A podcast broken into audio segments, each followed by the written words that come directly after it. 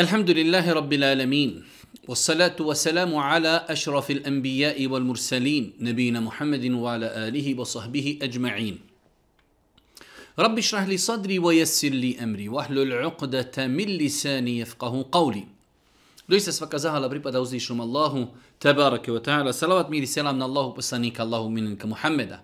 Alihi salatu wa salam njegovu časnu porodcu, uzor te ashabe i sve ljude koji slijede put istini u sudnjega dana. Uvažna braćo, i poštovani sestre, uvaženi prisutni, evo nas u još jednoj našoj emisiji u kojoj se družimo sa vašim pitanjima i vašim odgovorima. Ovo je 62. emisija u kojoj odgovaramo na vaša pitanja i vaše dileme. Ponavljamo po ko zna koji put, a ujedno i tražimo halala od svih vas koji ste poslali svoja pitanja, a mi nismo uspjeli na njih da odgovorimo. Doista je mnogo, ali baš mnogo e-mailova koji svakodnevno iz sata, i sata, i sata u sat, iz minute u minutu stižu na naš e-mail, tako da mi idemo nekim redom, uzimamo pitanja za koja mislimo da su i bitna i na koja možemo odgovoriti i na koja do sada još nismo davali odgovore i formiramo e, znači, jednu platformu na osnovu koje napravimo jedno predavanje. Prvo pitanje, ako mi je neko prije godinu dana pozajmio određen iznos, E, nakon toga želim da mu vratim taj iznos, ali je valuta malo devalvirala kako da mu vratim, a s druge strane kako da mu vratim u drugoj valuti. Znači imamo u jednom pitanju dva pitanja. Prvo pitanje je kako vratiti dug ako je valuta u kojoj smo mi uzeli dug devalvirala. Kažu islamski učenjaci ako se radi o manjoj devalvaciji, znači da to nije totalna devalvacija, da jednostavno nekada se zna desiti da određene valute totalno devalviraju, to je nešto drugo. Ali ako se to radi da je valuta devalvirala 1%, 2%, 5%, 10%, u takvim slučajima se vraća onoliko koliko se uzilo. Pa primjer radi, ako smo uzeli stotinu eura, mi ćemo vratiti stotinu eura dana kada budemo vraćali, bez obzira koliko stotina eura tada bilo naspram dolara ili naspram marki. E, ako želimo vratiti dug u nekoj drugoj valuti, onda treba da isplatimo taj dug prema kursu tog dana u kojem mi vraćamo dug.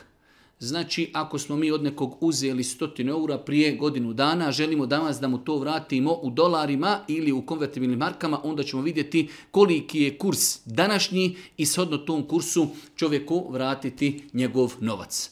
Znači, odgovor je, ako je došlo do devalviranja valute, ali nije veliko devalviranje, znači u nekim manjim procentima mi vraćamo iznos kojeg smo pozajmili iznos kojeg smo pozajmili, a ako vraćamo u drugoj valuti, onda vraćamo po kursu u danu u kojem mi vraćamo dug. E, radim sa nekretninama. Uplatili su nam unaprijed da iznajmljujemo apartmane i pošto nismo zadovoljni kako smo iznajmili, nismo napravili dovoljne rezervacije, želimo da vratimo novac koji su nam dali, iako oni kažu da je sve u redu, da ne treba. Da li je sporno zadržati takav novac?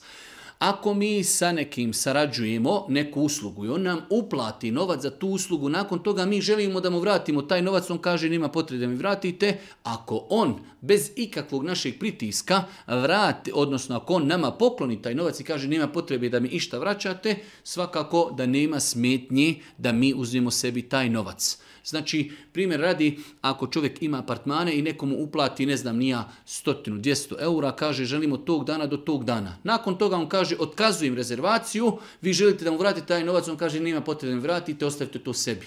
Nema ništa sporno u tome da ostavimo sebi taj novac. Slušao sam vaše predavanje gdje ste rekli da nismo dužni da slušamo roditelja kod nas traži da činimo haram. Mene interesuje postoji li još situacija gdje nismo dužni poslušati roditelje, recimo gdje Rotelji traži od djeteta da uradi nešto što graniči sa zdravim razumom ili nešto što je apsurdno, logički nemoguće ispuniti, što je besmisleno. E, da, znači da e, to da se čovjek nije obavezan pokoriti roditeljima u stvarima koji su nepokornost, isto tako obuhvata i situaciju u kojima roditelji od čovjeka traži nešto što je absurdno, nešto što se ne može ispuniti. Čak islamski učenjaci su spominjali situaciju kada bi roditelji rekli svome djetetu da razvede svoju suprugu. Njima ne odgovara, njemu odgovara, nije obaveza da, da se pokori tada roditeljima, a zamislite kako su još na većim stepenu da od nas roditelji traže nešto što je absurdno ili nešto što je, kao što je došlo ovdje, nelogično i tako dalje, besmisleno. Imamo pravo znači da pokušamo s njima na lijep način da im pojasnimo da ne možemo ispuniti ono što traže od nas zato što je to ili besmisleno ili kao što je došlo ovdje jednostavno e, na granici sa zdravim razumom, jednostavno pitanje je da li se to može ispuniti i tako dalje. Tako da duboko se nadamo da čovjek neće biti griješan, treba da lijep način da im, da im pokuša da ne može to uraditi. Ako shvate, shvate, ako ne shvate, e, znači e, insan nije obavezan da im se pokorava u tome. Ako je avret muškarcu od pupka do koljena, zašto onda muškarac ne može klanjati bez majici ako su pokriveni navedeni dijelovi? Postavlja nam čovjek pitanje i kaže, ako je avret muškarca od pupka do koljena, zašto onda ne možemo tako klanjati? E, možemo tako klanjati. Možemo tako klanjati, e, znači ispravno je da čovjek može klanjati namaz ako je popikrio e, dio tijela od pupka do koljena. Svakako da je pohvalno i lijepo da se čovjek što ljepše obuče u svom namazu zato što stoji pred svojim gospodarom. Ali postoji vjerodostojna hadis da Allah poslanik alaihi salatu wasalam dozvolio da ljudi koji nemaju odjeće dovoljno da kaže uzmu izar, da uzmu taj donji dio e, znači odjeće koji se nosio za vrijeme Božih poslanika, ali se selam, i da donjim dijelom pokrije čovjek ono što je od pupka do koljena. Tako da ispravno je, znači da čovjek kao što nam je avret mimo namaza od pupka do koljena, ako bi čovjek imao potrebu da tako klanja namaz, on može klanjati, njegov namaz je validan. Svakako ostaje onaj kuranski ajet hudu zinetekum inde kulli mesjid. Kada god krenete na a, namaz na molčvu, lijepo se obucite. Svakako čovjek treba da bude svjesan da staje pred Allaha, je ta'ala, treba da obuče najljepšu odjeću, da, da jednostavno njegov izgled bude lijep i prihvatljiv, ali to je nešto što je pohvalno i lijepo. Znači po većini islamskih učenjaka čovjeku nije obaveza da nosi nešto na gornjem dijelu tijela, znači na ovom dijelu tijela od pupka do ramena, svakako da je pohvalno i lijepo, ali ne obavezujući. Peto pitanje, Htio sam vas pitati, je li haram sestri muslimanki nositi piercing u nosu? Mada znam da to ne priliči, upoznao sam sestru i planiramo u život, ona me ubiđuje da to nije piercing, da piercing nije haram. Svakako, e, mislim da smo već nekoliko puta na to pitanje odgovarali e, s aspekta da li žena može da to nosi kao ukras piercing na nosu, može. Može da nosi, e sada ostaje da je to vid ukrasa, samim tim žena to kada izlazi napolje gdje će je vidjeti muškarci e, koji joj nisu mahremi treba da pokrije ili da nosi nikab ili da taj piercing skida. Znači ženi je dozvoljeno da nosi piercing ali u prisustvu svoga muža ili u prisustvu ljudi koji su i mahremi, u prisustvu svoga oca, u prisustvu svoje djece, u prisustvu amiđe i tako dalje. E, ne može to, pošto je to ukras, nije dozvoljeno da tako izlazi napolje, osim ako nosi nikab, pa muškarci ne vidi taj ukras. Znači, odgovor kada je u pitanju nošenje piercinga, E, na nosu od strane ženi, kažemo da je to dozvoljeno kao vid ukrašavanja, ali isto tako, pošto je to ukras, to ne treba da vide muškarci koji nisu mahremi ženi, tako da žena prilikom izlaska iz kuće ili će to skidati ili će to pokriti. Interesuje me šta tačno znači sunnet, jer sam pročitao to što ste objavili da držanje mačke nije sunnet. E, putem interneta širio se tekst u kojem je izneseno više tvrdnji kako je držanje mačke sunnet. Pa smo mi reagirali, napisali smo da u tom tekstu postoje mnoge netačne tvrdnje. Jedna od tih tvrdnji jeste da je držanje mačke sunnet. Pa su mnogi e, da kažemo neispravno shvatili taj naš post misleći da smo time željeli da kažemo da nije dozvoljeno držati mačke. Razlika je kada za određenu stvar kažemo da je sunnet. Šta to znači? Ako tu stvar radimo, imamo nagradu. S druge strane, mačka kao kućni ljubimac, dozvoljeno da držimo mačku kao kućni ljubimac, jer je Boži poslanik Ali Salat samom u vjerodostojnom kazao da je mačka čista, zato što ona kruži mnogo e, među ljudima i ona je čista. U redu, mačka je čista, možemo je uzeti kao kućnog ljubimca, ali nismo zbog toga nagrađeni. Pa je razlika kad kažemo nije držanje mačke sunnet. Nećemo zbog toga biti nagrađeni. A možemo li to raditi? Je li to dozvoljeno? Jeste, dozvoljeno da imamo kućnog ljubimca macu ili da imamo papagaja ili da imamo ribice i tako nešto slično tome, ali nemamo nagradu zbog toga. To su mubah, dozvoljene stvari koje mi činimo zbog sebe, za svoju dušu, ali ne možemo kazati e, evo ja držim macu i zbog toga ću biti nagrađen jer slijedim u tome sunet Božijeg poslanika. Nije Božiji poslanik ali se letu nam nigdje preporučio da čovjek drži macu samim tim i to nije sunnet. Pa su različiti termini kazati da je nešto sunnet i da je nešto dopušteno.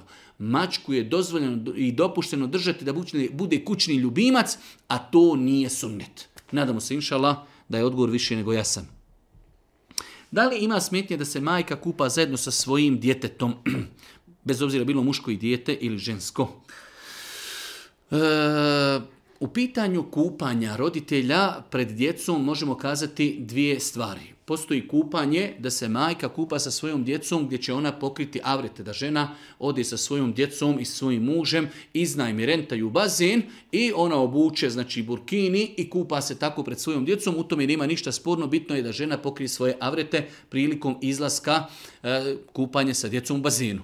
Znači, Pitanje je bilo da li žena može da se kupa sa svojom djecom zajedno, mi kažemo. Ako se time misli da žena se kupa sa svojom djecom zajedno o, na bazenu ili na moru ili negdje na rijeci, obavezo je da obuče odjeću koja će pokrivati njene avrete.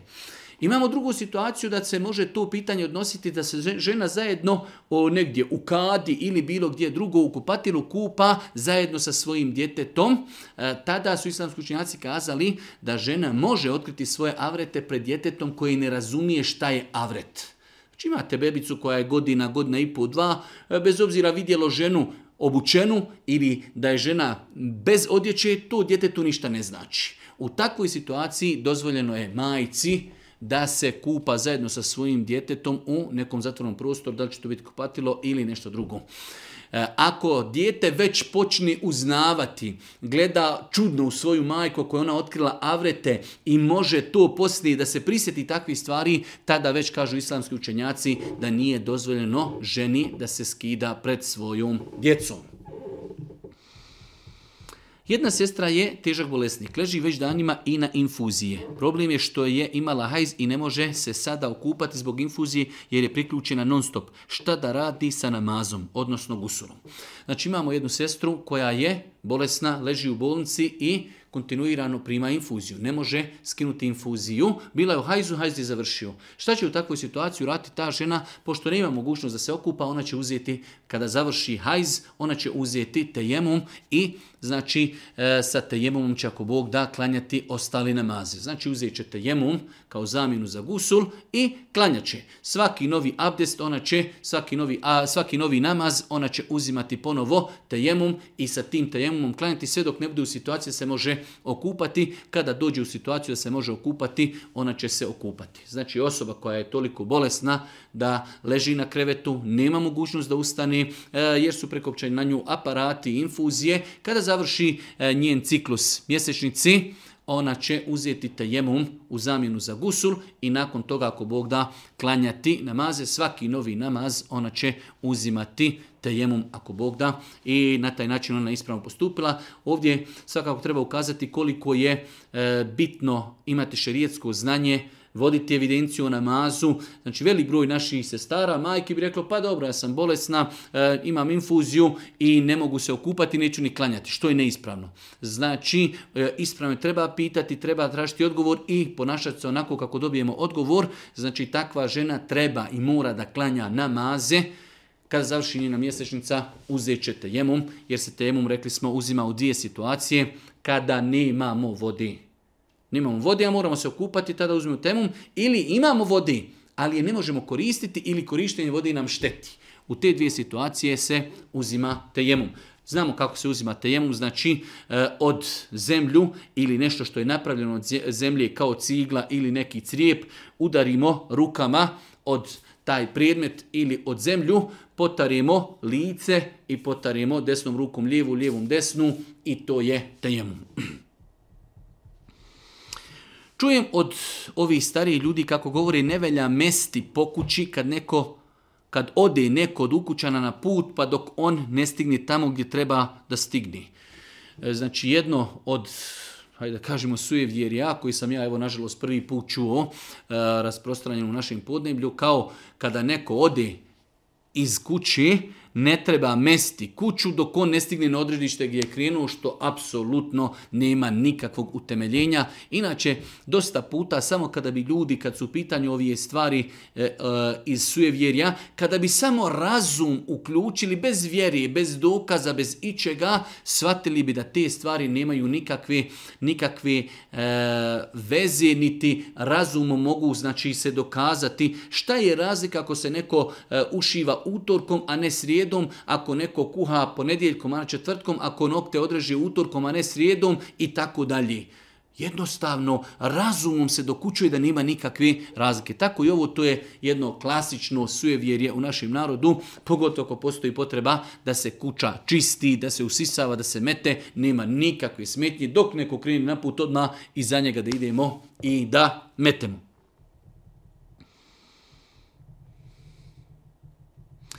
pitanje, naime imam dvije djevojčice, jedna toliko godina, druga toliko godina, e, ono što me interesuje jeste ukoliko se nađem u vremenu akšama vani, da li je dovoljno da proučim fatihu od nekog ču da ne treba, ne bismo trebali da smo dvije minute prije zana i pola sata nakon zana vani.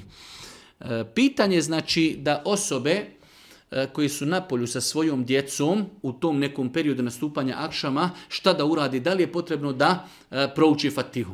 E, u vjerodostojnom hadisma je došlo da je Allah poslanik se salatu wasalam kazao nemojte puštati stoku i vašu djecu kada zađe sunce sve dok ne prođe fahmatu el isha.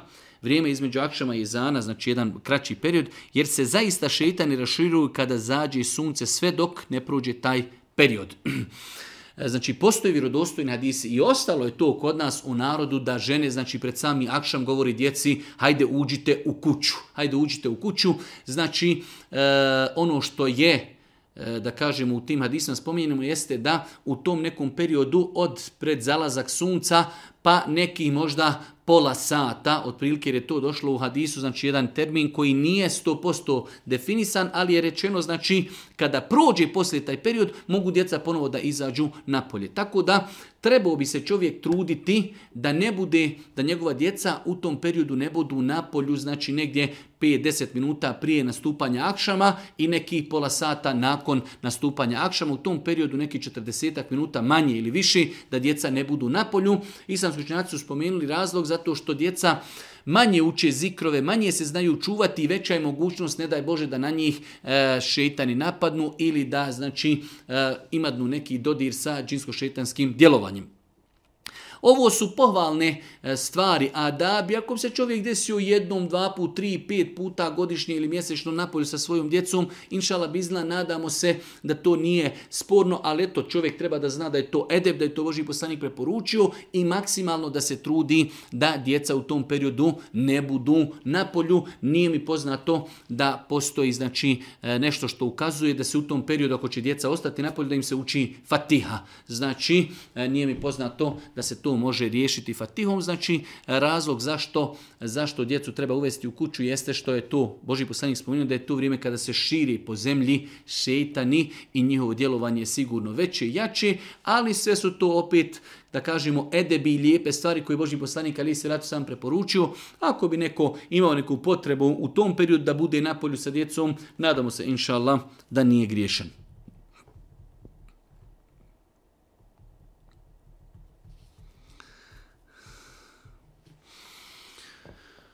Počinila sam grije prije dvije godine sa, znači, sa nekim momkom, nije došlo do intimnog kontakta, ali je bilo znači e, dodira. Sada ta osoba želi da se uda, pitanje da li treba takvu stvar da kaže budućem suprugu.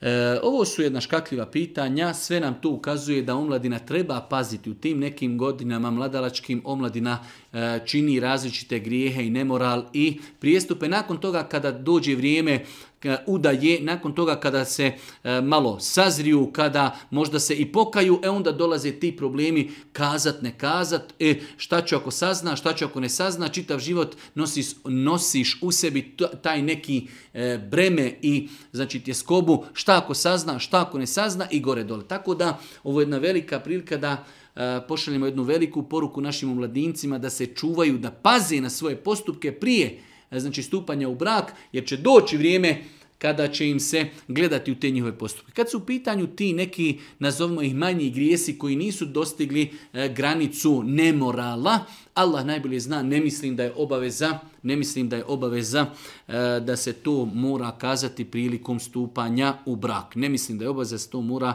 e, znači e, kazivati osobi s kojom se stupa u brak ako je insan istinski se pokajao uzvišom Allahu subhanu wa ta'ala i je čvrsto odlučio da se više tome neće vraćati jer bez obzira znači ovoj osobi se desio da je to bio taj grijeh, a svako drugi od nas moraju urati neke grijehe u svom životu, tako da ako bi bili prinuđeni da moramo kazati sve te svoje grijehe, onda to znači e, svi bi mi imali nešto da kažemo osobi s kojom stupamo u brak, tako da ne mislim da je obaveza kazati za ovakve stvari prije stupanja u brak, ako se osoba doista istinski vratila e, Allahu i pokajala zbog onoga što je učinila.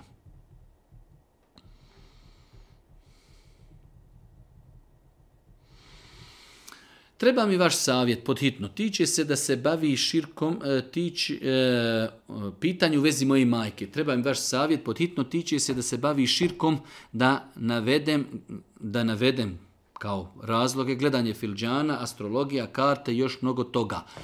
Na kraju čovjek kaže moja majka je pravoslavni vjer je otac Bošnjak. Čovjek pita šta da radi, E, njegova majka ne želi da ga posluša zato što ona gleda u filđan, gleda u karte i tako dalje. On joj govori da je to neispravno i traži od nas savjet kako da savjetuje svoju majku i na kraju nam kaže ali moja majka je pravoslavni vjere, a otac je bošnjak. E, smatram da je ovdje znači veoma bitno shvatiti da toj ženi ako ćemo već nešto majici ukazivati, onda treba ukazivati na najveći grih a to je nevjerstvo i govoriti joj o potrebi da primi islam da se spasi vječni e, vatri u džehennemu. Najveći grijeh je to što ona nije muslimanka. Njoj sada govoriti da ne treba da, e, da gleda u filđan i ne treba da gleda u karte i tako dalje, to je po meni neispravno redanje prioriteta apsolutno. Znači osoba koja je nemuslimanka, najveći prioritet je njoj govoriti o Allahu, govoriti o poslaniku, govoriti o Kur'anu, eh, u želji da joj Allah otvori srce da prihvati islam. Nakon toga će doći eh, stepeni i leveli da će joj čovjek govoriti o nekim grijesima koji radi u svakodnevnom životu, ali najveći prioritet je šta ona ima koristi ako ostavi eh, znači gatanje u filđan, u karti, slično tome, a ona u najvećem grijehu koji može postojati, a to je nevjerstvo.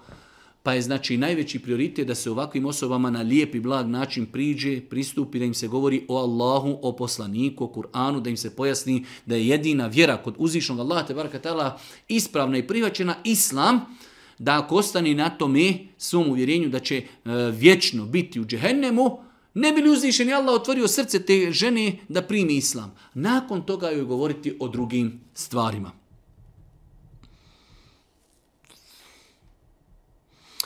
Eh, jedan brat eh, kaže, radim u zemlji koja je većinski kršćanska, radim na bauštelj, oznojen sam, prljav, imam vodu za abdest, ali nije dovoljno da budem potpuno čist. E, da li ja mogu takav klanjati jer me čovjek ubjeđuje da se ne može takav klanjati tako dalje. Čovjek radi na baušteli. Želi da klanja, ali mu je neko rekao da ne može takav klanjati zato što je znojav, zato što je prašnjav i tako dalje. Ispravno je da je čovjeku obaveza, mora svaki namaz klanjati u namaskom vremenu. Ako podni nastupa u jedan, a ikindija u četiri, od jedan do četiri čovjek mora naći deset minuta i klanjati taj namaz. E, stvari kao što je znoj, ili cement, ili pjesak, ili prašina, ili zemlja, ili ulja, ili goriva, ili, ili sve te stvari šerijatom nisu nečiste. Nema smetnje da čovjek u radnoj odjeći koja ima na sebi prašine, ima na sebi betona, ima na sebi maltera, ima na sebi zemlje, nema smetnje da čovjek klanja u takvoj odjeći, bez obzira što je znojav i bez obzira što ima na sebi takvu odjeću, obaveza mu je da klanja. Kad dođe ako Bog da kući, on će klanjati znači e, na drugi način, obući će čistu odjeću i sve to ovo je situacija samo da ne prođe namasko vrijeme. Sve spomenute stvari nisu šerijatom nečiste, ni znoj, niti e, cement, niti prašina, niti zemlja, niti goriva, niti ulja, ništa od toga nije nečisto, tako da čovjek treba da uzme potpuno abdest, stani negdje u čošak na neku dasku, na neki stiropor ili neki karton, obavlji svoj namaz, klanja farze i nastavi raditi. A s druge strane pogledajte kako ljudi nekada nekoga ko želi da klanja, odgovore ga, nisu svjesni koliko su griješni. Prvo što taj čovjek, odgovorili su ga od namaza, drugo što su govorili o vjeri bez znanja. Jer neispravno je da čovjek govori o vjeri a nema za to znanja i pogledajte da je mogao svoga radnog kolegu odgovoriti od obavljanja namaza. 15. pitanje.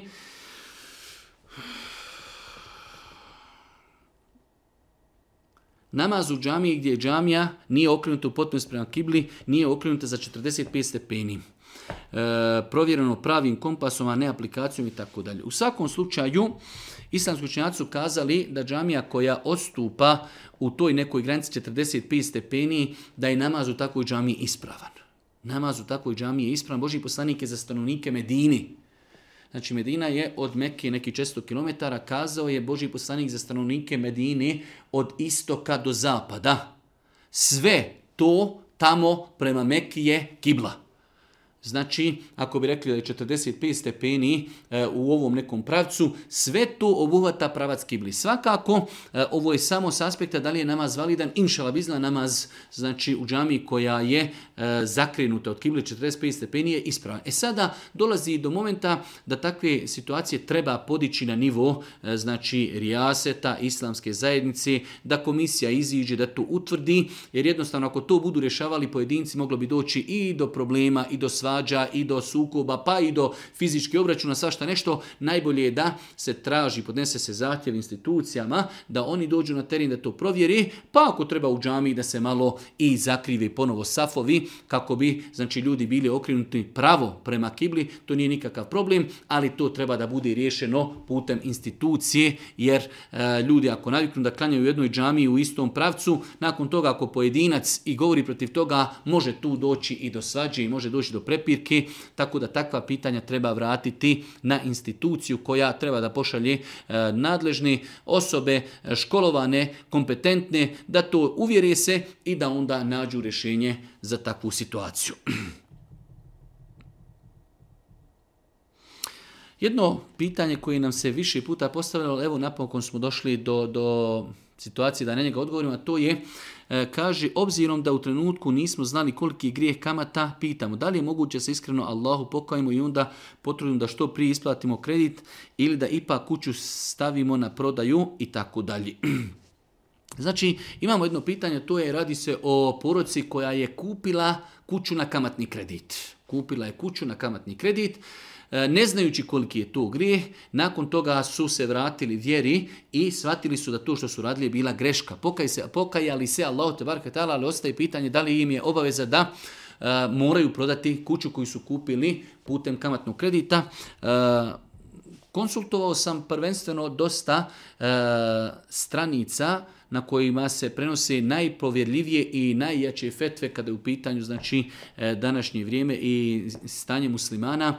Eh, na viši stranica povjerljivih i eh, kompetentnih sam eh, našao odgovore da u takvim slučajima nije obaveza da se prodaje kuća. E, Konsulo sam također neke svoje šehove, svoje učenjake, pitao sam ih pa su mi kazali da ako je insan tu radi u neznanju. Nakon toga se pokajao, e, treba da požuri sa vraćanjem duga, e, znači, ali mu nije obaveza prodavati kuću. Tako da u slučajima ako imamo situacije da su ljudi kupili kuću na kamatni kredit. Nakon toga shvatili da je to bila greška, Treba se pokaju Allah subhanahu wa to što su radili, da čvrsto odluči da se pokaju, da čvrsto odluči da se više nikad tome neće vratiti i da požuri, znači u granicama svoje mogućnosti, da što prije završi sa tim kamatnim kreditom, ali kuća kao kuća nije im obaveza da je moraju prodavati, pošto grijeh kamate, kao što se kaže u jednoj od ovih fetava koji sam čitao, je vezan za čovjeka koji je uzeo kamatni kredit Šta će on nakon toga urati sa tim novcem? To što je on kupio kuću, znači ta kuća u osnovi je kupljena ispravnim kupoprodajnim ugovorom. Tako da, nadamo se inšala biznila da u ovakvim slučajima ako znači neko je kupio kuću na kamatni kredit,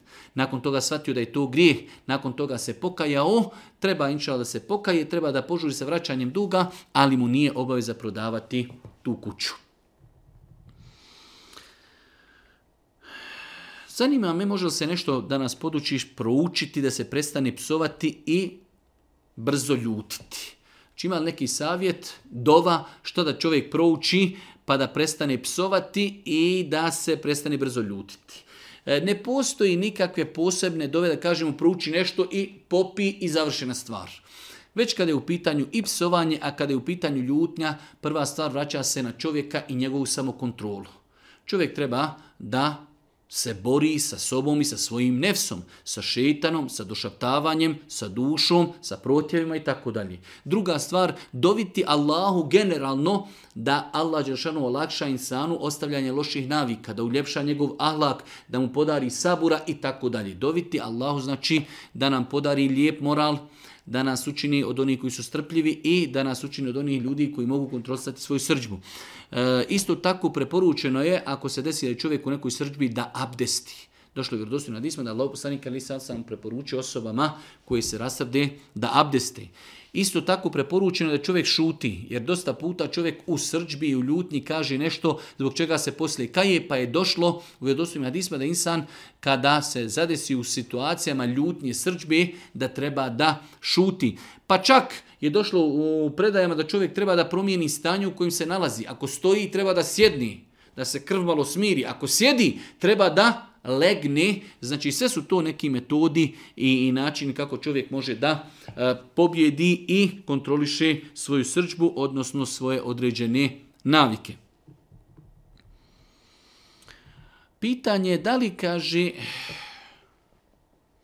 kada klanjam farz namaz, pa hoću poslije toga da klanjam i vitr namaz ili dobrovoljni namaz, da li sve to mogu sklanjati i završiti namaskom dovom ili moram pojedinačno za svaki sklanjati sklanjanje namaz, pojedinačnu namasku dovu i tako da. Pitanje je čovjek koji klanja namaz, da li mora poslije svakog namaza učiti namasku dovu ili može proučiti jednu namasku dovu poslije svih tih različitih namaza, znači vezanih za jedno namasko vrijeme. U osnovi, znači, sama namaska dova, trebamo ispravno shvatiti, e, ovo što se kod nas prakticira, da se posle svakog namaza uči zajednička kolegijalna namaska dova, to je neispravno, to nije radio Boži poslanik, ali se letu sram i najbliže što bi se zato moglo kazati jeste da to, ako se prakticira kontinuirano, da je to novotarija. E sada, imamo hadise da je Boži poslanik, ali se ratu spomenuo, između ostalog da dova koja se uči poslije namaza, znači da je to vrijeme primanja dove i da je to pohvalno vrijeme, tako da čovjek može s vremena na vrijeme, nakon što završi klanjanje namaza, da podigne ruke uzvišom Allahu te tala da uputi o, određenu dovu ono što mu je potrebno, ali da to ne bude kontinuirano jer to nije radio kontinuirano Boži poslanik, da to ne bude u džematu, da to nije džemat niti da je kontinuirano, već s vremena na vrijeme da čovjek u tom periodu nakon završetka namaza uputi dovu Allahu subhanahu wa ta'ala. Samim tim dali smo odgovor da osoba koja klanja primjer radi, klanjali smo jaciju, nakon jacije smo zikrili, nakon toga imamo sun sunnete e, ili potvrđeni sunnete, nakon toga imamo vitr. Ako neko hoće dobiti, može dobiti odmah nakon farza, može dobiti nakon vitara, znači nije to nešto plaho definisano, ali je bitno da znamo da znači kontinuirana namaska dova nije propisana, uči se s vremena na vrijeme, može se učiti nakon farza, može se učiti nakon sunnete, može učiti i nakon vitara.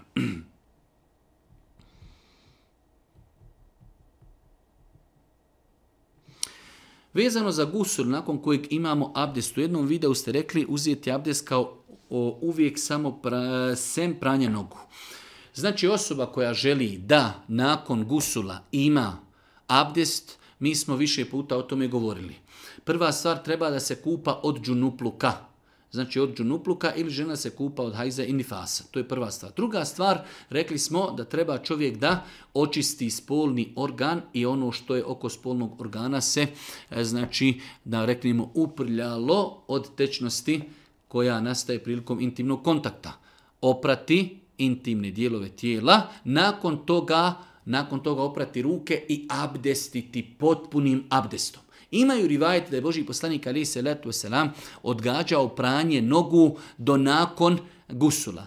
Ali došli su rivajeti u kojima se kaže da kada je Boži poslanik, znači ovim redoslijedom pranje spolnog organa, pranje ruku, nakon toga uzimanje potpunog abdesta, onakav abdest kao da ćemo klanjati, nakon toga, nakon toga se peri glava, nakon toga se peri desna strana, nakon toga lijeva strana i ako tako uzmemo gusul, mi imamo abdest. Ako u toku gusula nismo dotakli spolni organ. Tako da, e, u ovoj situaciji, nakon što operimo spolni organ, operimo ruke, nakon toga treba uzeti potpun abdest što obuhvata i pranje nogu.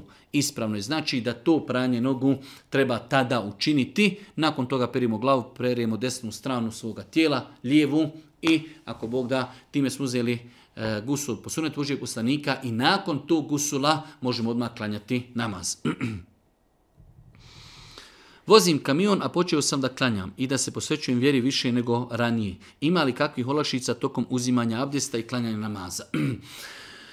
E, jedan naš brat, voz, vozač je kamiona, pita kakve su olakšice koje može koristiti vozač kamiona. Prva stvar, ako čovjek vozi više od 80 km od mjesta gdje boravi i živi, on je musafir. Dok za njega kažemo da je musafir, znači da može kratiti namaze podne može klanjati dva rekiata, ikindiju dva rekiata, akšam tri rekiata, jaciju dva rekiata i sabah dva rekiata. Znači sve četvrorekiatne namaze može kratiti na dva rekiata. To je jedna olakšica. Druga olakšica je da čovjek može spajati ako ima potrebu. Pa podni i kindiju će spojiti i klanjati i zajedno od nastupanja podnevnog vremena pa sve do akšama. Kada nađe vrijeme, on će spojiti, klanjati dva rekiata podni, predat će selam, nakon toga će klanjati dva rekiata i kindije, predati selam i nastaviti vas. Znači, musafir može kratiti namaze, ako ima potrebu može ih spajati. Isto tako musafir kada je znači u pitanju post, a ako mu je lakše da ne posti, ima pravo da ne posti obavezni post, znači u Ramazanu, ako vozač kamiona vozi dalje od 80 km od mjesta gdje živi, on može da ne posti s tim što će morati to poslije napostiti. Od olakšica koji su vezane za putovanje jeste i to da čovjek može potirati po čarapama. Šta to znači ili mestvama? Čovjek kada krene na putovanje uzet će potpun abdest, uzet će potpun abdest i obući odmah čarape na noge dok je još pod abdestom. Nakon toga, kada bude htio abdestiti, znači čovjek se zaustavi negdje pored puta, nekom parkingu, abdesti, sve normalno, kada dođe do pranja nogu, vlažnim rukama je dovoljno da samo potari po gornjem dijelu svojih stopala. Znači od vrhova prstju prema člancima da povuče, nema potrebe da skida znači čarape. Nema potrebe da skida čarape ako ih je obuku u periodu dok je još dok je još bio pod abdestom. To su te neke olakšice, znači čovjek može da ne posti ako vozi više od 80 km, može da krati namaze, može da spaja namaze i može da potire po čarapama. Ako je kod kuće u mjestu boravka, onda dan i noć. A ako je musafir, može da potire po čarapama ili vama tri dana i tri noći.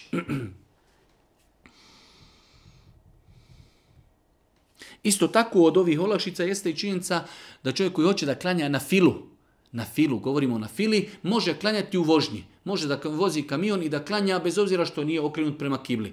Kada smo, e, kada u pitanju klanjanje farza, moramo klanjati stojeći i moramo klanjati okrenuti prema kibli. Za razliku od na filije, u toku vožnje čovjek može klanjati na filu i voziti kamion, znači, jer je Boži poslanik Ali se rato sram obavljao na filu, na jahalici, onako kako bi jahalica bila okrenuta. Tako da, kada je u pitanju, znači, namaz na putovanju, ako se radi o na fili dobrovoljnim namazima, može se klanjati onako kako čovjek je okrenut i može klanjati sjedeći za razliku od farza koji se moraju klanjati stojeći i mora se čovjek okrenuti prema kibli. Praktično, kako nešto proučiti svome tu od Kur'ana? Znači, e, kod nas je poznata praksa da ljudi plaćaju nekome da nešto prouči za njihovog mejita što je neispravno. Znači, uzimanje novca za učenje Kur'ana je neispravno i strogo zabrajno. Šta mi možemo uraditi? Možemo mi proučiti na najjednostavniji način. Boži poslanik je kazao, primjer radi, da sura Ihlas, kulhu valla vrijedi kao trećinu Kur'ana. Možemo proučiti i u srcu zanijetiti ovo što ćemo proučiti sada za svoga mejita i proučimo tri puta kulhu jednom, dva po tri kajmo gospodaru nagradu učenja ovog Kur'ana mi poklanjamo svome mejitu.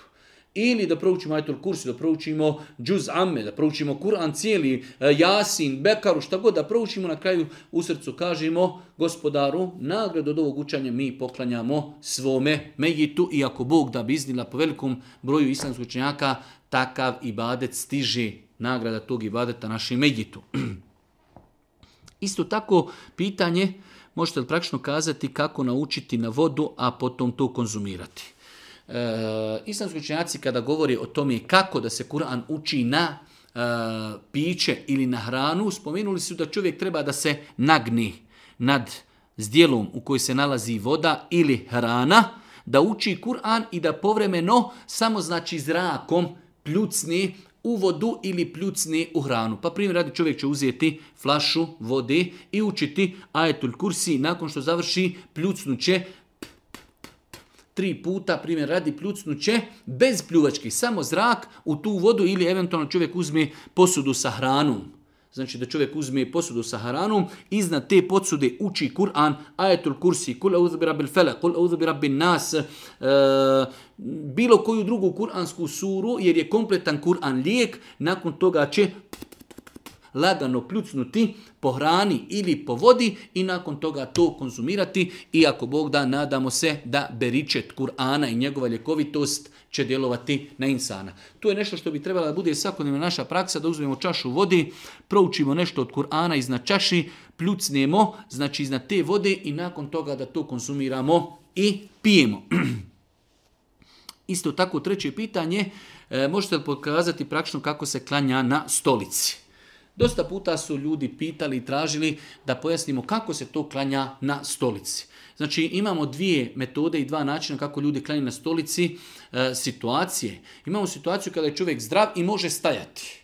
Može ruku učiniti, ali ne može činiti seždu, takav čovjek klanja na stolici, ali će početi nama stojeći. Allahu ekber, klanja sve, uči sve, odlazi na ruku, sve normalno. Kada treba ići na seždu, on će sjesti i seždu će činiti pogeće se naprijed. To je znači situacija kada čovjek može činiti kijam, stajati, može činiti ruku, ali ne može činiti seždu. U takvoj situaciji čovjek će znači sjesti na stolicu nakon znači stajanju namazu i pogeće se naprijed koliko može, povratak sa seždi, ponovo sežda, a ruke će u tom periodu biti na koljenima. To je prva situacija. Imamo drugu situaciju kada čovjek ne može apsolutno bolestan i ne može da stoji, da li ga boli leđa, ne može da čini e, kijam normalno. Cijeli namaz će provesti na stolici. U tom slučaju čovjek počinje namaz, znači sjedeći na stolci, gleda, preda se. Kada treba da ide na ruku, pogeće se malo. Vraća se sa rukua na kijam, stajanje, odlazi na seždu, tada će se malo više pogijeti od rukua. Pogjeće se više, vraća se, to je bila prva sežda, odlazi na drugu seždu i vraća se sa druge seđde. Znači ovo je situacija kada čovjek ne može ništa klanjati stojeći, već sav namaz klanja sjedeći, započinje namaz sjedeći, uči sve što treba, gleda, preda se, kada dođe do kijama, diže ruke, poginje se, malo manje nego što će biti pogled na seždu, vraća se semi Allahu limen hamida, rabbena velekel hamd, hamden kathiron, tajben barakan fih, Allahu ekber, odlazi na seždu i na seždi će se pogijeti malo više nego što se pogeo na kijamu, Allahu ekber, Allahu ekber, druga sežda, nakon toga na drugi rekat, nakon toga je tehijatu. Uglavnom, nadam se ako Bog da, da smo uspjeli shvatiti kako se klanja na stolici. Znači imamo situaciju kada čovjek može stajati, može činiti kijam i ruku, tada mora to činiti tako, a kada dođe sjedenje, on će sjesti na stolicu i seždu činiti na način kako smo pojasnili. Za razliku od osobe koja je totalno bolesna, ne može stajati, ona će početi namaz na se na stolici, kada prouči sve što je trebala, onda će na odlasku na ruku, znači pogijeti će se malo naprijed, povratak ponovo na kijam, sjedimo, odlazak na seždu gdje ćemo se pogijeti malo viši. Volio bi znati zašto kad neko presili stavlja se tespih i makaze na Megita. Stavljanje tespiha i makaza na Megita nema nikakvo utemeljenje u islamu. To možemo kazati ili da je novotarija, ili da je sujevjerje, ili da je neki neosnovan postupak koji nema sa islamom i muslimanima nikakve veze. Znači ne postoji nikakav dokaz koji nas obavezuje da prilikom e, znači e, da li ukopavanja mejita, da li ležanja mejita, da li kupanja mejita treba stavljati tespih i makaze na mejita. To je neosnovan postupak i treba to izbjegavati drugim ljudima ukazivati da je to neispravno. Nadam se da ne smijete, imam jedno pitanje, patim od velikog straha, povezano sa anksioznosti, smetaju mi ljudi. Ne mogu dobro obavljati namaz, bojim se da idem u džamiju, bukvalno mislim da nema leka i tako dalje. Može li pomoć i tako dalje. Znači imamo ljude, više puta mi se dešava da me ljudi nazovu koji jednostavno imaju problem da se boje društva. Jednostavno, e, nekada ljudi, omladinci, fizički sposobni, jaki, vi ne možete da vjerujete da se čovjek spusti na level i nivo da se boji izaći iz kuće. Sve što ga okružuje, on se svega boji. Vidite, djeca pored njega idu, trčkaraju, odoše u park. Znači, dječica se ne boje, a on koji ima možda 25, 30, 35, 40 godina, čovjek ne smije da izađe iz kuće, svega se boji. I to je jedno veliko psihičko opterećenje. Svakako, e, mi smo kazali e, da takve stvari treba liječiti medicinski da čovjek ode kod doktora i da se konsultuje, da uzme određenu terapiju koja će ako Bog da e, olakšati mu. Isto tako nema smetnje da se ode i na rukju mogu takve stvari biti uzrokovane i e, znači e, džinsko šetanskim djelovanjem, ali u svemu tome čovjek treba da vjeruje u Allaha, da vjeruje u kader, da vjeruje da se ne može ništa desiti bez Allaha i njegove dozvoli. Znači čovjek koji ima takav problem mora da prizna sam sebi da je njegovo vjerovanju Allaha i kako krnjavo i nepotpuno.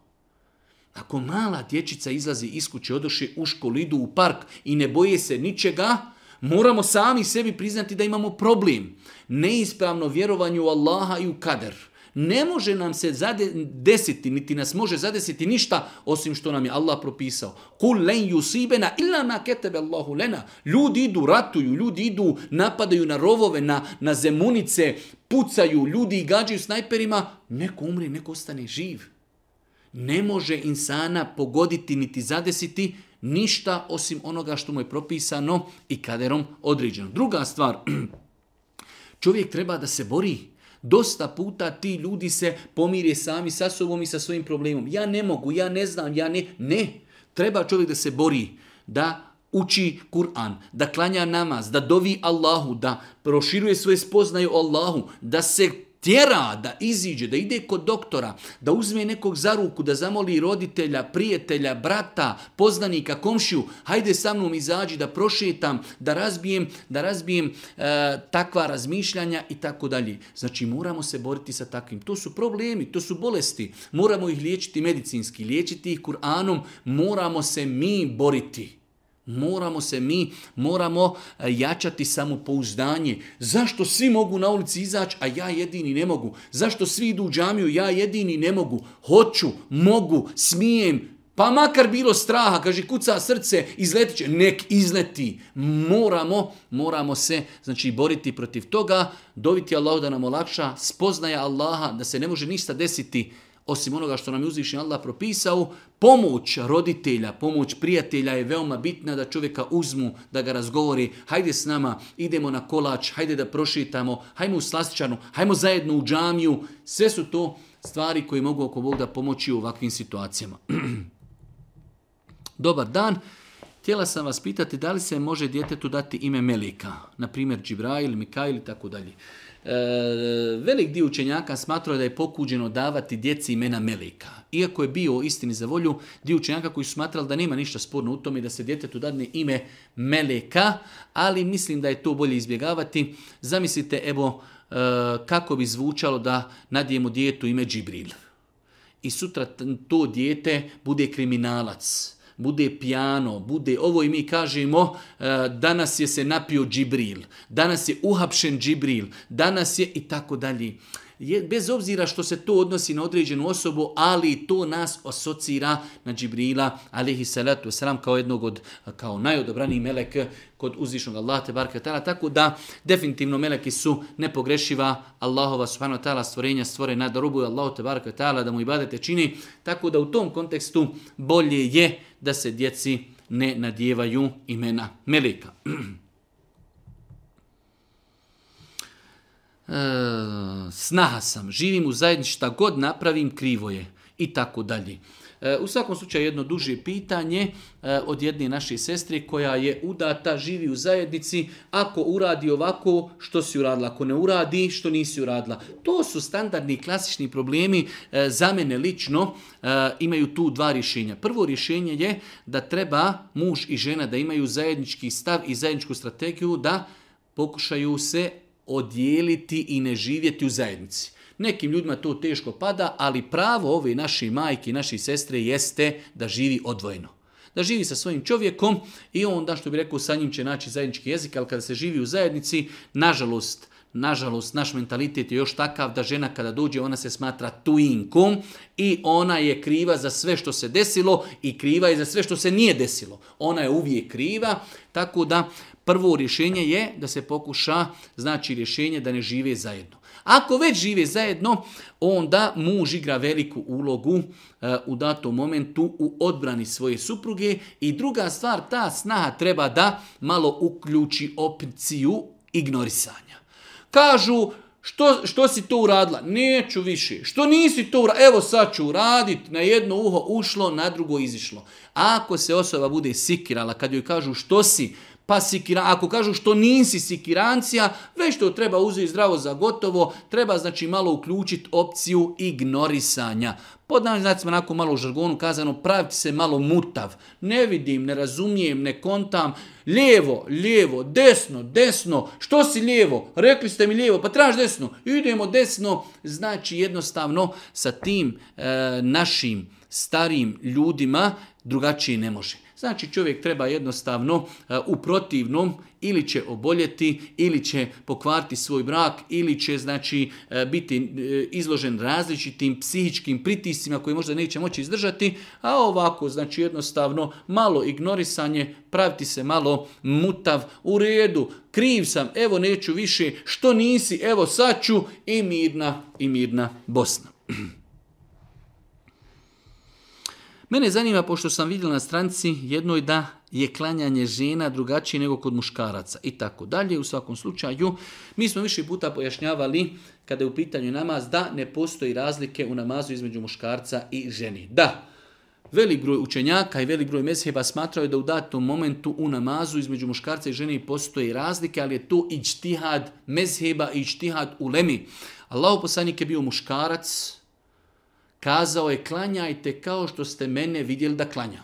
Hadis koji se odnosi na cijeli umet Božjih poslanika, klanjajte kao što ste mene vidjeli da klanjam. O muškarci, klanjajte kako ste mene vidjeli da klanjam. A i vi žene, i vi ste me vidjeli kako klanjam. Dolazite u džema, dolazite na džumu, klanjajte kako ste mene vidjeli da klanjam. Ne postoji niti jedan hadis vjerodostojan da je Božji poslanik rekao, e, eh, u ovom dijelu namaza muškarci neka radi ovako, a žene neka radi ovako. Tako da ostajemo na namazu, odnosno na hadisima, da Boži poslanik kaže klanjajte onako kako ste mene vidjeli da klanjam. Pa će žena klanjati onako kako klanja, znači muškarac, bez ikakvih razlika. Prvenstveno se tu misli na podizanje ruku, podlaktica na seždi. Boži poslanik u na hadisima je zabranio da se podlaktice spuštaju na zemlju prilikom činjenja seđdi, što obuhvata i muškarca i ženu.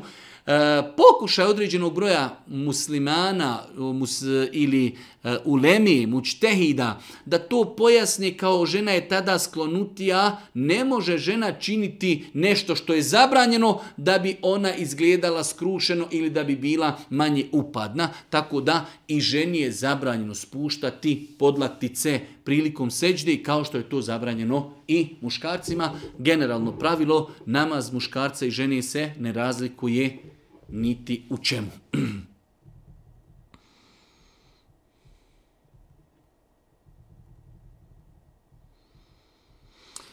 Možete li nam pojasniti ili neku dovu napisati kako da se riješimo duhana? Klanjam i postim, ali nikako se ne mogu mm, ove prokletinje riješiti. Ne konzumiram puno, ali želio bi da se riješim toga. Ne postoji neka posebna, posebna dova koju mi možemo proučiti da ostavimo duhan. Ali možemo doviti gospodaru, našem gospodaru, olakšaj mi da ostavim duhan. Gospodaru, omrazi mi, omrazi mi duhan, konzumiranje duhana i tako dalje. Znači dova kao dova ne postoji neka dova na arapsku, mi nešto proučimo, popijemo i je Ne, već dova da Allah u na seždi, u zadnjoj trećini noći ustanemo i molimo i plaćemo i tražimo ja rab, olakšaj nam donošenje odluke, olakšaj nam ostavljanje tog grijeha. To je u pitanju dova. S druge strane, čovjek treba e, da razmišlja mozgom svojim, razumom, racionalno, šta je to zbog čega konzumira duhan. A šta je to zbog čega ne treba da konzumira? Prva stvar, čovjek uništava sebe i svoje zdravlje konzumiranjem duhana. Doći će vrijeme kada će čovjek oslabiti zdravstveno pa će ići na preglede i na snimanja kada će shvatiti da je to bila greška. Znači uništavamo svoje zdravlje, uništavamo i meta. Kutija cigara danas je 5-6 konvertibilnih maraka. Što mislite da ti 5-6 maraka dadnemo sadaki, da damo svome djetetu, da damo svojoj supruzi, da sebi kupimo kilu smokve i kilu grožđa, kilu naranđe, kilu jabuka, nešto što će nam koristiti. Mi uništavamo i metak i ne samo uništavamo, mi ga uništavamo na način što sebi kupujemo nešto što nam šteti. I treća stvar, pasivno e, pušenje, da mi konzumiranjem duhana uznemiravamo ljude u našem okruženju, znači čovjek koji sjedi u restoranu i konzumira duhan, pored njega sjedi drugi insan kojim to šteti, bit ćemo odgovorni na sudnjem danu što smo štetili tuđem zdravlju. Da ne govorim o samom mirisu, E, znači zadaha, odjeći, od osoba koji konzumiraju e, duhan. Mi koji ne konzumiramo duhan, kada dođemo u džamiju i pored nas stane osoba koja konzumira duhan, znamo kakav je to musibet, koliko se odjeća čovjeka čuje, njegov zadah i tako dalje. Tako da su to razlozi koji čovjek ako razmisli o njima, bit će uz Allahu pomoć veliki podstrijek da ostavi konzumiranje duhana. Suprugim prilikom svake prepirke spominje greške iz prošlosti za koje sam se pokajala i prestala rati. Mola sam da to ne radi, ali ne prestaje. Također mi uporno govori kako sam u kontaktu sa drugim muškarcima, ali to nije istina. Kako da mu dokažem da griješi? E, znači imamo osobu, radila je neke stvari, pa se zbog toga pokajala, ali joj muž neprestano u svađama to prigovara. S druge strane, e, tvrdi da ona ima kontakt s drugim muškarcima, a ona kaže da to nije tako. Kako tim ljudima, kaže, kako da mu dokažem da griješi? Nemoguće. Nemoguće. Znači, najbolje je shvatiti da takvim osobama, kada vam dođe osoba i kaže ti imaš kontakt sa muškacom, a nemaš, kako mu dokada kažeš, evo ovako, sad ću ja srce izvat, de pogledaj u srce, ti ljudi, njima je nemoguće dokazati. Rješenje je ne pokušavati im dokazati. Znam da izgleda malo grubo, ali definitivno. Znači, kada vas neko potvori da imate kontakt s muškarcima bez ikakvog dokaza, takvoj osobi je nemoguće dokazati, zato se ne treba čovjek umarati. Imamo rješenje da mu kažemo da nam to smeta, i da on je svjestan da nam to smeta i nakon toga da to ignorišimo. Šta god da kaže, na jedno ušlo, na drugo izašlo, ili da saburamo koliko možemo, na kraju kažemo izvini, ako ćeš nastaviti tako, tražim razvod braka. Nema trećeg rješenja takvim osobama je nemoguće dokazati.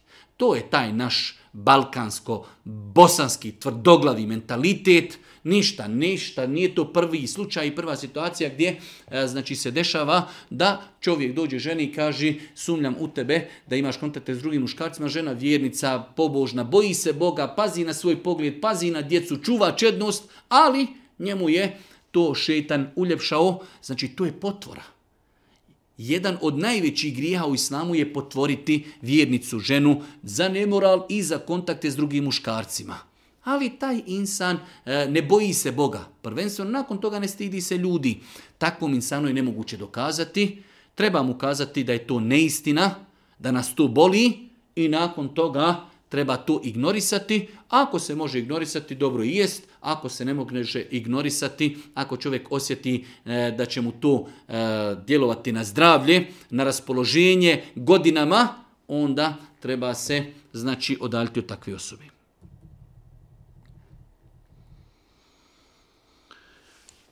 Kod, e, kod novorođene bebe, da li ima kakve veze ta četiresnica sa prvim otkidanjem noktiju kod djeteta, jer su bebi stvarno veliki nokti i oštri pa se grebe i da li je sada važno gdje dati te prve bebine nokte. Vidite kako ljudi sebi otežaju život i situaciju. Znači uvjerenje da se djetetu, novorođenčetu ne smiju rezati nokti 40 dana. Dijetu nokti mašlo dijete zdravo, rastu nokti, grebe lice, ne, nemoj da tu režeš 40 dana. Dobro, šta ako održimo 39. dana ili održimo 41. dana? Pogledajte kako sebi ljudi otežaju vjeru, suje vjerjem i prakticiranjem onoga što nema dokaza u vjeri. Nema nikakve smetnje da se nokti djetetu odrežu u 7 dana nakon rođenja, 15, 21, 18, 16, 30, 35. Nema nikakvo ograničenje kada vidimo da su noktići narasni, da dijete uznemiravaju, da se dijete samo ne može kontrolisati svoje ruke i postupke, da znači grebe svoje lice, uzet ćemo i odrezat ćemo nokte, sa tim noktima urati ono što radimo sa svojim noktima. Šta god radimo sa svojim i sa njegovim ćemo. Bacamo svoje u kantu za smeće, bacamo baci bebine u kantu za smeće. Bacamo svoje u kanalizaciju, baci kanalizaciju. Bacamo svoje u e, šolju, bacaj njegove u šolju. Zakopajmo svoje i njegove zakopaj. Ono što radimo sa svojim noktima, tako ćemo raditi i sa noktima bebe i mirna Bosna.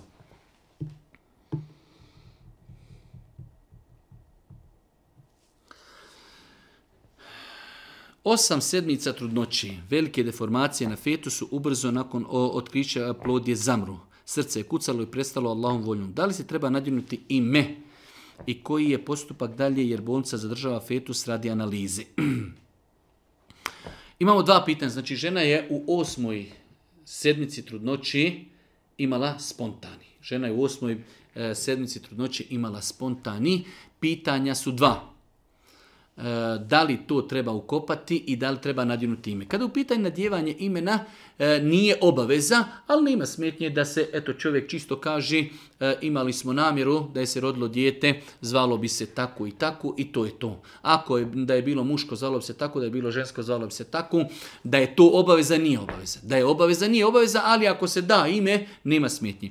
Kada je u pitanju ukopavanje, islamski učenjaci su kazali da je obaveza ukopati dijete odnosno nakon spontanog fetus, ako je bilo oživjelo i ako je imalo više od 120 dana. U ovom slučaju 8 sedmica, znači e, nema nikakve obaveze prema ukopavanju tog djeteta, to pogotovo što e, bolnica uzima takve znači onaj fetuse i evo ovdje je to čak i spomenuto radi analize i istraživanja, tako da e, znači odgovor je u pogledu uh, ukopavanja, roditelji nemaju obaveza nikakvih prema ukopu, a s druge strane kada u pitanju nadjevanja imena nije obaveza nadjenuti ime takvom djetetu, ako bi ga mogli nazvati djetetom, e, a ili plodu ili fetusu, ako bi dali ime neće pogriješiti.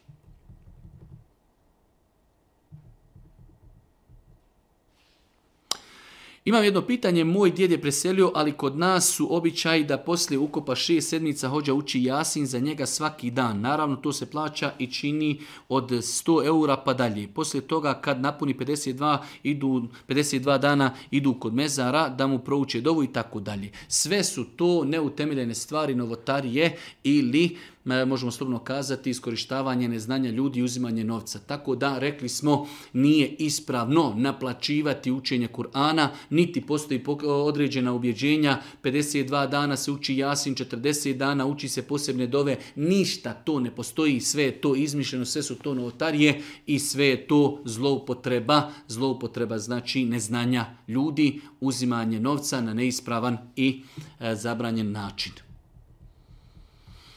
Da li je dozvoljeno ženi da brije depilacija brkova?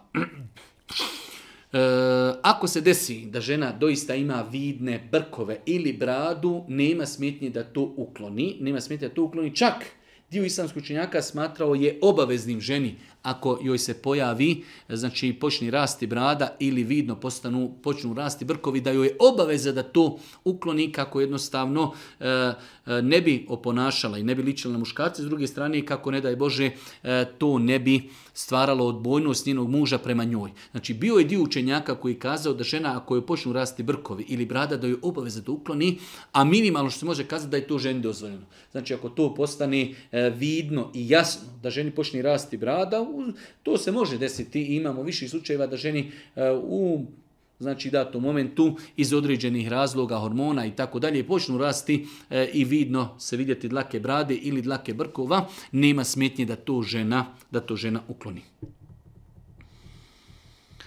E, jedno drugo dugo pitanje, s obzirom da ne mogu naći nigdje tačan odgovor, a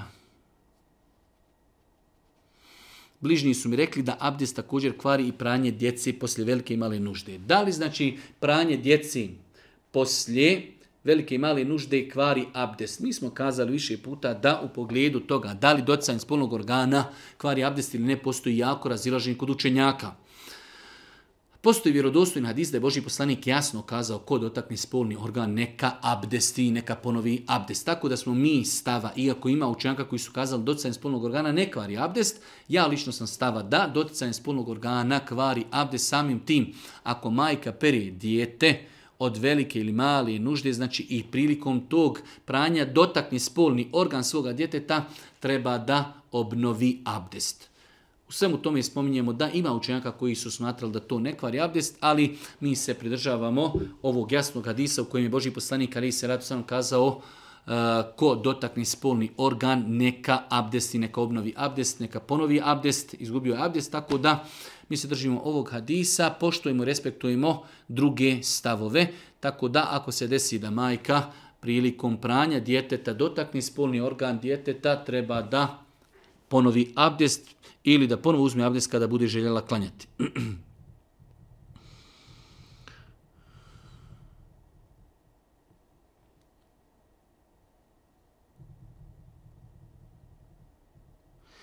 Možete li, molim vas, napisati detalje vezano za učenje ruke samome sebi? Šta tačno učiti, koliko puta i tako dalje? E, znači, pitanje je kako i na koji način da čovjek sam sebi uči rukiju. Imamo znači nekoliko načina i metoda kako čovjek može da uči rukiju. E, možemo učiti rukiju na način da čovjek uzme, znači spoji ruke, uči Kur'an u svoje ruke, pljucni nakon toga u ruke i nakon toga potari po svome tijelu. Možemo staviti, ako imamo određene bolove u nekom od dijelova tijela, možemo staviti na taj dio ruku i možemo isto tako učiti Kur'an, bez obzira šta. Znači nisu, kada je u pitanju ruke, stvari nisu definisane koliko se šta uči i koje sure se uči. Sav Kur'an je ljekovit da učimo Fatihu, da učimo Ajatul Kursi, da učimo Kul uh, bil fela, Kul bil nas, ili bilo koju drugu suru, sve je, sve je to ispravno. Uh, broj ponavljanja, znači ovisi o nama i našem raspoloženju koliko želimo ponavljati. Znači možemo skupiti ruke, učiti Kur'an, nakon toga potrati tijelo. Ako nas određen dio tijela boli, možemo na njega staviti svoju desnu ruku i tako učiti Kur'an. Možemo proučiti Kur'an na vodu, i rekli smo pljucnuti bez pljuvačke ili na hranu, nakon toga to konzumirati, piti ili jesti. Sve su to, inšala, dozvoljeni načini učenja ruke samome sebi i kao što kažu islamski učenjaci, osnova je učenje ruke samome sebi. Za vrijeme Božih poslanika niti poslanik, niti asabi su imali nekoga za koga su govorili, e, idi kod njega, neka ti on uči rukiju. Znači, osnova je da sam sebi čovjek uči rukiju, ali ako ima potreba, znači i neko ima malo više praksi i znanja i bogobojaznost, zna više Kur'ana, možemo otići kod nekoga da nam prouči rukju. Ali osnova je, to je temelj, da svako sebi uči rukju. E, ovdje ćemo, se, ovdje ćemo se, ako Bog da, i završiti. Neka pitanja nismo uspjeli ni odgovoriti. Allah subhanahu wa ta'ala molimo da nas učite na putu istine, podari korisno znanje. I na kraju subhanike, Allahumma pjamdike, ešhedu in la ilaha instakfiruke, wa tubu Oh.